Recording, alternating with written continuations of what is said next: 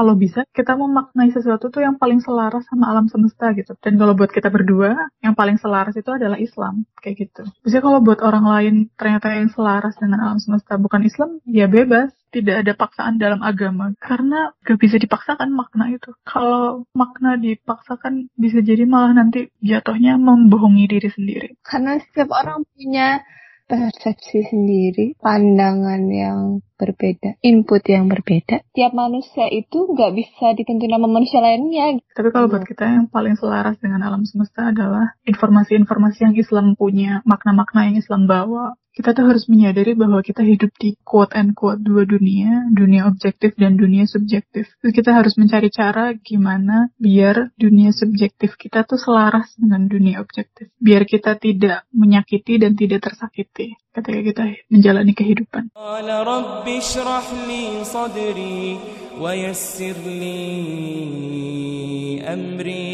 واحلل عقدة من لساني يفقه قولي Ovalibrium, ngobrol santai seputar Islam, sains, dan ilmu sosial bersama Reni dan Lili.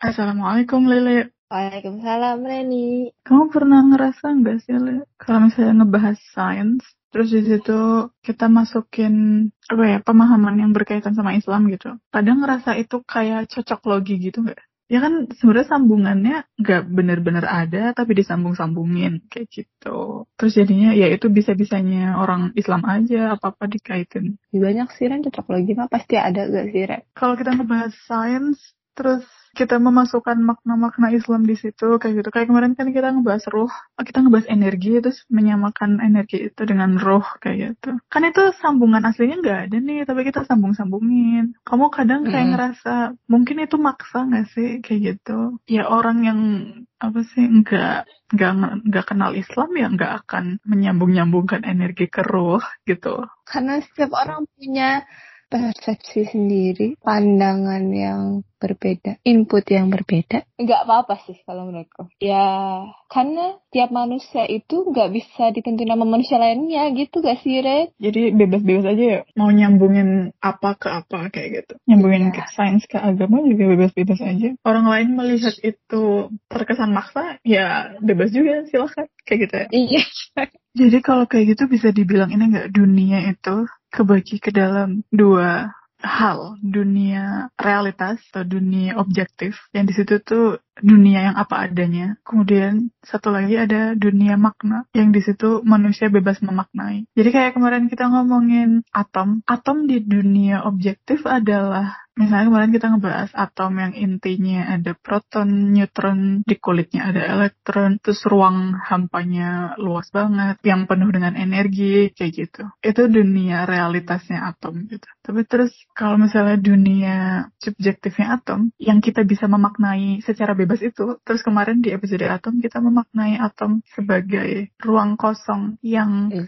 banyak energi, yang energi itu adalah ruh, kayak gitu. Nah, yang nyambungin, nyambungin energi ini ke roh itu kan manusianya kan subjeknya iya. kan maksudnya kalau nggak ada subjek kalau nggak ada manusianya yang memaknai ya sambungan antara roh sama energi itu nggak akan ada gitu yep, ya, nah jadi itu kurang lebih yang bakal kita bahas di episode ini. Dunia objektif versus dunia subjektif. Atau dunia materi versus dunia makna. Reality versus perception. Kita mulai dari kamu memahami dunia materi tuh dunia yang kayak gimana sih realitas itu apa sih? Dunia materi atau dunia objektif itu apa? Kamu memahaminya gimana? Dulu tuh aku tuh sempat gak tau Loren kalau objek itu objektif itu bisa jadi tujuan ya. Arti tujuan yang jelas. Jadi tuh terus sekarang aku mikir lagi berarti tuh objektif itu jelas yang nggak cuma satu orang yang memahamin itu gitu. Jadi tuh ada kesepakatan beberapa orang yang sama pemahamannya dengan satu hal. Jadi jelas, jadi nggak cuma kamu doang loh. Kayak misal hmm. kata kayak kamu bilang atom kemarin kan elektron dan itu semua orang dah setuju dengan itu. Gitu itu kan hmm. objektif, gitu jelas. Yang membuat semua orang melihatnya dengan cara yang sama itu karena ada buktinya nggak sih? Buktinya iya. dapat dilihat oleh semua orang dengan cara yang sama. Dan kesamaan hmm. ini cuma bakalan bisa terwujud di dunia di dunia materi doang gak sih? Cepet oh, Jadi Hai. harus terlihat gitu loh, Le. Iya, dunia objektif adalah dunia materi. Sesuatu itu objektif karena dia bisa dibuktikan dan pembuktiannya tuh dengan visual, dengan dilihat. Gitu nggak sih? Iya, dengan Iya nggak materi. sih? Eh, eh, karena Yes. butuh pembuktian. Ah, Pembuktian sangat krusial gitu loh di dunia materi. Gitu nggak? Aku sih memahaminya kayak gitu. Makanya visual doang nggak? Apa Oh harus iya, visual aja? sen- semua sensori kita sih. Ini yang paling valid visual nggak sih, Li? Soalnya kalau misalnya pakai pengecapan kita, pengecapan ah. kita buat seseorang pedas, tapi buat yang lainnya enggak kok nggak pedas kayak gitu misalnya itu Ah, somehow subjektif gitu. Somehow indera kita yang paling objektif, indera kita yang tidak terlalu subjektif itu adalah penglihatan. Oh, Ya itu maksudnya kalau misalnya yang visual itu tuh tidak akan multitafsir gitu. Tapi kalau yang non visual, sensor kita yang non visual itu sangat bisa untuk multitafsir. Makanya bukti paling bisa dibilang paling dapat diandalkan adalah ketika bukti itu bisa kita lihat pembuktian secara visual.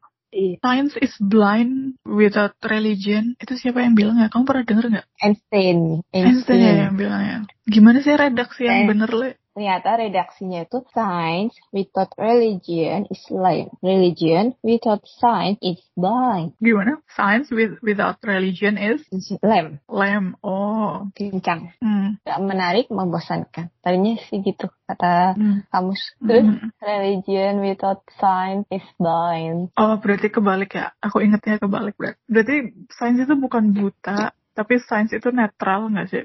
Oh, iya iya. Iya ya, dia nggak bisa baik dan buruk benar. Iya, sains itu netral. Iya, dunia materi yang apa adanya ya netral. Memang alaminya kayak gitu. Memang naturalnya seperti itu. Nah ya, natural. Netral. Sains bukan buta, tapi netral, natural. Tapi religion without science is blind. Tapi terus ternyata di dunia materi ini beberapa puluh ribu tahun yang lalu muncul satu makhluk bernama manusia yang bisa membangun satu dunia Baru. di ya satu dunia baru satu dunia di samping dunia materi manusia datang ke bumi kemudian ngebikin dunia makna Iya, kita tuh hebat banget bisa menciptakan dunia sendiri. iya kita menciptakan dunia sendiri karena kita punya sesuatu yang gak dimiliki sama makhluk lain Itu kenapa ya? Jadinya kita bisa ngebangun membentuk dunia hal, Hmm. Heeh, membangun Hmm, karena kita punya punya hal yang gak bisa dimiliki sama makhluk lain. Apa itu, Li? otak akal. Otak akal yang mengenerate. Apa ya, masih ingat nggak di revolusi kognitif?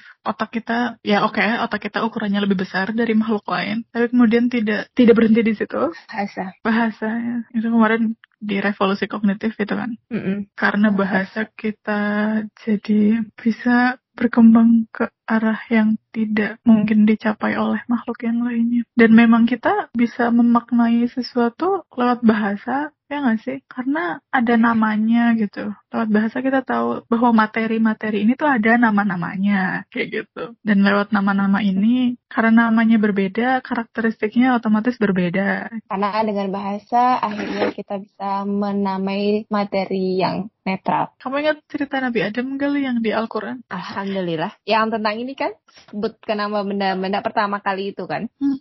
Kan itu Allah ngajarin nama-nama, terus eh, Nabi Adam diminta mengulang, menyebutkan kembali nama-nama itu gitu kan. Aku sih memahaminya somehow itu jadi salah satu pembuktian bahwa manusia itu worth it untuk diciptakan. Walaupun malaikat kan cukup skeptis gitu ya, cukup ragu, sanksi, eh, berprasangka kalau manusia itu nanti cuma bakal menumpahkan darah kayak gitu, cuma bakal melakukan korupsi kayak gitu. Itu jadi kayak mm, berharganya manusia tuh karena bisa menampung bahasa, gitu gak sih? Karena bisa mengenal bahasa, mengenerate bahasa. Salah Iya. satu mungkin ya, salah satu keberhargaan kita tuh karena ada di bahasa itu, penguasaan kita terhadap bahasa. Karena lewat bahasa itu kita bisa diajari sesuatu sama Allah yang sesuatu itu tuh belum tentu bisa diajarkan ke makhluk yang lain gitu nggak sih? Ya aku sih Iya. memahaminya kayak gitu. Tapi terus jadinya bikin bertanya-tanya nggak sih? Memang apa sih yang istimewa dari bahasa gitu? Iya, dari sekian banyak hal yang manusia bisa lakukan, tapi Allah tuh memilih untuk menunjukkan kebahasaannya manusia gitu. Kenapa Allah memilih untuk menunjukkan manusia itu bisa diajari nama-nama, kemudian bisa menyebutkan kembali nama-nama itu. Kayak gitu. Jadi kan kayak, wow, se, se signifikan itu ya bahasa ya Karena di hadapan makhluk yang lain kayak Iya. gitu loh. Emang apa sih yang karena apa sih yang istimewa? bahasa itu kayak kalau aku ya Rene Hmm. subjektif juga ya ya nggak ada ya nggak tahu Allah alam hmm. maksudnya dengan bahasa tuh kayak kita jadi bisa transfer apa pun gitu loh dan Allah mungkin bermaksud ketika menciptakan Adam Allah tuh memberikan ilmu kepada manusia yang harapan ilmu yang kita udah dapat itu tuh bisa ditransferkan lagi bisa transfer um, bahasa kan ada banyak ya Li. dan sebenarnya somehow kalau kita nggak menguasai bahasanya kita tuh akan cuma denger bunyi-bunyian random yang aneh gitu. Mm kayak aku sering bilang araso mm atau tadi pagi aku ngechat kamu wakari masyita mm kan itu kayak kalau kamu nggak tahu artinya kan itu cuma bunyi-bunyian random gitu kan. Iya tulisan random juga deh kamu nulis. Iya tulis ya tulisan random yang berbunyi random. Jadi somehow kita bisa bilang bahasa itu random gak sih? Beda lagi ya ini yang dibahas. ini kita yang random. Kita yang random, kita juga random tau. Masya Allah. Oh, iya gak sih? Bahasa itu cuma ya asal quote and quote asal bunyi gitu. Uh. Tapi kalau misalnya kita menyepakati bahwa bunyi-bunyian ini punya arti, hmm. ya kita jadi bisa berbagi informasi lewat bunyi-bunyian yang random itu. Bisa dibilang bahasa itu cuma media. Yang paling penting dari media itu adalah apa yang dibawa sama medianya gitu. Kalau pakai analogi komputer, bahasanya itu bahasa kan media nih, medium. Jadi hmm. bahasanya komputer itu cuma satu sama nol, satu nol, nol nol nol satu satu satu atau apa kayak gitu kombinasi dari satu sama nol kan. Tapi ternyata hmm. satu sama nol ini membawa informasi yang kemudian akhirnya bisa digunakan untuk menyusun satu dunia bernama dunia maya. Dapat nggak bedanya media dan informasi yang dibawa oleh media itu? Yeah. Kayak misalnya terima kasih sama thank you, yeah. sama kamsahamida, mm. sama arigato, mm. itu kan punya informasi yang sama. Yes. Tapi medianya berbeda. Ya, paham aku. Nah, dapat nggak bedanya? Yang nah, itu. Yang membuat beda medianya tadi ya. Dan yang penting kan bukan medianya nggak sih? Yang penting informasinya. Kita nggak mengetahui, misalnya kita nggak bisa ngomong bahasa Jepang, tapi terus kita menggunakan body language kita untuk bilang makasih, bisa juga kan? Iya. Jadi kalau misalnya kita mengkonklusikan keistimewaan bahasa adalah informasi yang dibawa, terus balik lagi hmm. ke penciptaan Adam. Jadi manusia itu, manusia itu penting karena dia menampung informasi. Gitu gak sih? Somehow jadinya. Iya. Kita hmm. diberikan kekuatan untuk menampung informasi. Nah terus jadinya sekarang kan pertanyaannya memang informasi pentingnya apa sih? Memang ada apa dengan informasi? Penting Ren. Informasi nanti hubungannya sama makna. Kalau kita me mengetahui suatu informasi kita bisa hmm. mengambil makna akan sesuatu. Tapi kalau kita nggak tahu informasinya kita nggak bisa mengambil maknanya. Yes Aku paham, misal ya, kalau di sekelilingku ya Ren ya. Hmm. Misalnya uh, ada larutan asam sulfat. Gimana? Kenapa asam sulfat? Misal informasi di botolnya itu bilang asam sulfat itu sifatnya korosif, terus kalau kena tangan tuh bisa iritasi gitu. Jadi kita jadi tahu nih maknanya kalau dia itu bisa membahayakan buat diri kita gitu. Jadi kita lebih berhati-hati menggunakannya. Iya, karena itu jelas tuh aku harus selalu mematikan itu nggak mau kerja soalnya. Itu bagiku informasi yang benar-benar bentuk kayak maksudnya informasi yang aku harus ambil maknanya setiap hari. Iya, maknanya yang aku gunakan akhirnya sih. Jadi nggak just informasi. Jadi apa ya makna makna itu yang mengandung baik buruk benar salah gitu ya? Gitu ya, Li? Iya ya. Maksudnya ya ketika larutan itu berisi kayak gitu ya dia hanya ngasih informasi informasi dan, dan ternyata bagi manusia itu membahayakan. Manusia mengolah informasi menjadi sesuatu yang punya nilai nilai baik atau nilai buruk nilai kebenaran yeah. atau nilai kesalahan gitu. Dan yeah. manusia bisa mengendalikan itu semua Ren. Ya yeah, kan manusia itu punya kemampuan untuk mengenerate makna dari informasi. Makanya yeah. kalau sampai kalau sampai kita kehilangan makna itu sangat krusial. Hmm. Kalau sampai kita kehilangan makna, oh bahaya banget. Karena dengan kehilangan makna kita kehilangan esensi, dengan kehilangan makna kita kehilangan eksistensi kita bahkan kayak gitu. Kayak kita nggak ada gunanya gitu loh tanpa makna. Iya. Dan makna juga. Makna bisa apa pun. Misalnya mau hal-hal yang kecil, hal-hal yang remeh remeh atau makna makna yang besar makna hidup kayak gitu bisa juga Pokoknya apa pun kemampuan kita untuk memaknai itu begitu bebas. Kita bisa memaknai apa pun dengan apa pun juga. Kita bisa mengenerate makna sebebas sebebas-bebasnya. Iya Ren. Terus tadi aku tuh kepikiran pas kamu ngomong ya manusia itu yang menerima makna itu sebagai baik dan buruk gitu nggak sih Ren? Mm. Terus saya aku mikir kan kayak misalnya aku ya ya di science ya di science Hmm. itu yang kayak misal materi itu netral tapi ketika kita manusia tahu nih oh, oh ini punya makna baik seperti ini dan bisa dia punya makna buruk seperti ini Dan itu manusia tahu kayak kayak larutan yang aku pakai ya Mm. mungkin bagi yang mungkin kalau kena manusia buruk tapi ketika digunakan buat yang lain bisa jadi baik Iya, tapi kan terus karena makna karena maknanya tidak punya batasan ya, kita bisa memaknai apa pun Mm-mm. dengan apa pun. Jadi buat seseorang baik, buat seseorang yang lainnya belum tentu baik.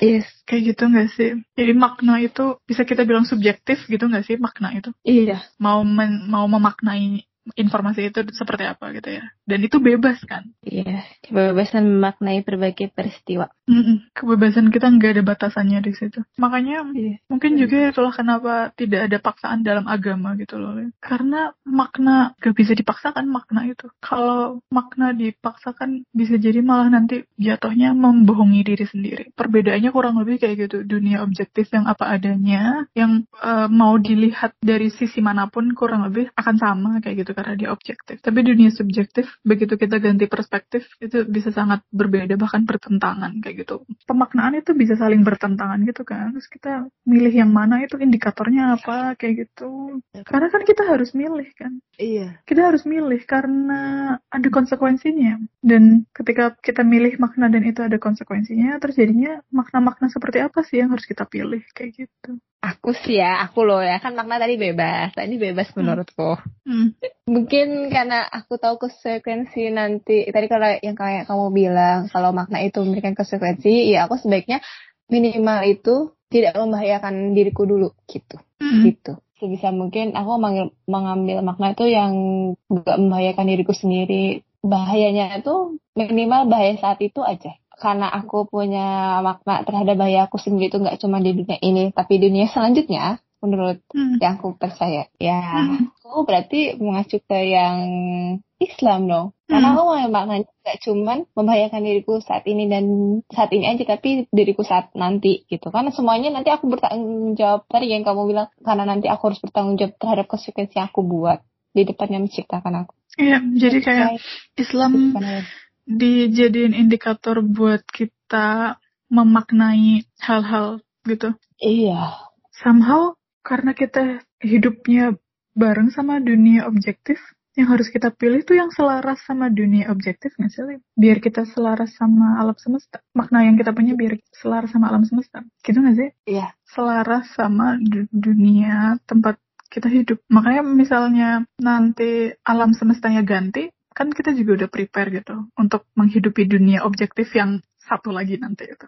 Itu kan nanti hari kebangkitan setelah kematian datang, itu kan dunia objektif yang baru nggak sih? Karena semua orang tuh mengalami hal yang sama. Semua orang menyaksikan hal yang sama, gitu nggak sih? Iya. Kita dibangkitkan bareng-bareng, kita dikumpulin kayak gitu. Itu kan dunia objektif yang baru kan. Aku sih ngelihatnya kayak gitu, milih maknanya yang mana ya yang paling selaras sama dunia objektif tempat kita hidup. Dan Islam, Islam tuh selaras dengan kehidupan. Bisa kita bilang selaras dengan dunia objektif. Iya. Oke, kita punya makna bebas, tapi itu kita berusaha selaras. Karena ketika kita Dengan- selaras dengan alam semesta dan objektifnya, kita juga kita akan Iya. lebih sustain- sustainable. Kita akan lebih Iya. berkelanjutan. Hidup Iya, kita itu akan oh, itu lebih berkelanjutan. Tidak akan tersiksa, tidak akan tersakiti kayak Iya. gitu dengan dunia objektif. Hmm. Nah itu jadinya kayak sebenarnya somehow karena makna itu bebas, indikatornya juga bebas gitu sih, Li. Tapi terus kalau bisa kita memaknai sesuatu tuh yang paling selaras sama alam semesta gitu. Dan kalau buat kita berdua, yang paling selaras itu adalah Islam kayak gitu. Maksudnya kalau buat orang lain ternyata yang selaras dengan alam semesta bukan Islam, ya bebas. Tidak ada paksaan. Gitu nggak sih ibaratnya? oh, Tapi kalau Iya. buat kita yang paling selaras dengan alam semesta adalah informasi-informasi yang Islam punya, makna-makna yang Islam bawa, kayak gitu. Soalnya bakal kayak gitu loh, ya. misalnya kayak kemarin kita ngobrolin atom, terus mengkait-kaitkan energi dengan ruh. Itu bisa Eh. jadi loh, ada orang yang dengerin itu dan cuma ngomong ya ini cocok logi doang, kayak gitu. Karena memang nggak secara empiris itu tuh nggak nyambung tidak ada sambungannya secara empiris antara roh dengan energi. Itu ya Eh. karena kitanya aja. Kita memaknai, kita menyambung-nyambungkan Islam dengan sains kayak gitu. Kan nggak semua orang bakalan setuju sama itu kurang lebih. Dan ya di sini kita menjelaskan perbedaannya dunia materi Eh. dengan dunia makna yang bebas. Dan makna ini kita pakai indikator Islam karena buat kita Islam itu selaras dengan alam semesta gitu. Ya udah itu ending dari pembahasan kita oh ngobrol-ngobrol kita di episode ini lah dunia materi versus dunia makna. Eh mungkin bukan versus kali ya. Mungkin Baru mau ngomong. Iya. Aku baru mau nggak versus sih, Mbak. karena mereka saling melengkapi sebetulnya. Hmm. Kayak informasi-informasi dari dunia materi, kemudian kita gunakan untuk memahami alam semesta gitu loh, dunia objektif itu. Kemudian pemahaman ini bisa kita pakai dalam rangka mengenerate makna, me- memproduksi Iya. makna, ya. memaknai pemahaman ini, kemudian bisa kita maknai lebih lanjut kayak gitu. Ya saling melengkapi sih pada akhirnya. Bersinggungan, men. Bagus, kata-kata bersinggungan. Oke, dan Islam posisinya ada di mana? Tengah. Di tengah, ya betul. Menengahi, ngebuat kita tidak kehilangan arah, biar kita tetap ada di jalan yang lurus. Ketika kita memahami alam semesta, memahami dunia materi, sambil memaknai, biar kita tidak tersesat, biar kita tidak salah jalan, kayak gitulah ibaratnya. Islam tuh di situ. Bisa, bisa. Kalau udah kita tutup Ya, tetap. jadi intinya sebagai manusia kita tuh harus menyadari bahwa kita hidup di dua dunia, quote and quote dua dunia, dunia objektif dan dunia subjektif. Terus kita harus mencari cara gimana biar dunia subjektif kita tuh selaras dengan dunia objektif. Biar kita tidak menyakiti dan tidak tersakiti ketika kita menjalani kehidupan. Oke deh, kita tutup dulu. Semoga episode kali ini bermanfaat. Terima kasih sudah mendengarkan. Sampai ketemu di episode selanjutnya. Assalamualaikum Lili. Waalaikumsalam, Weni.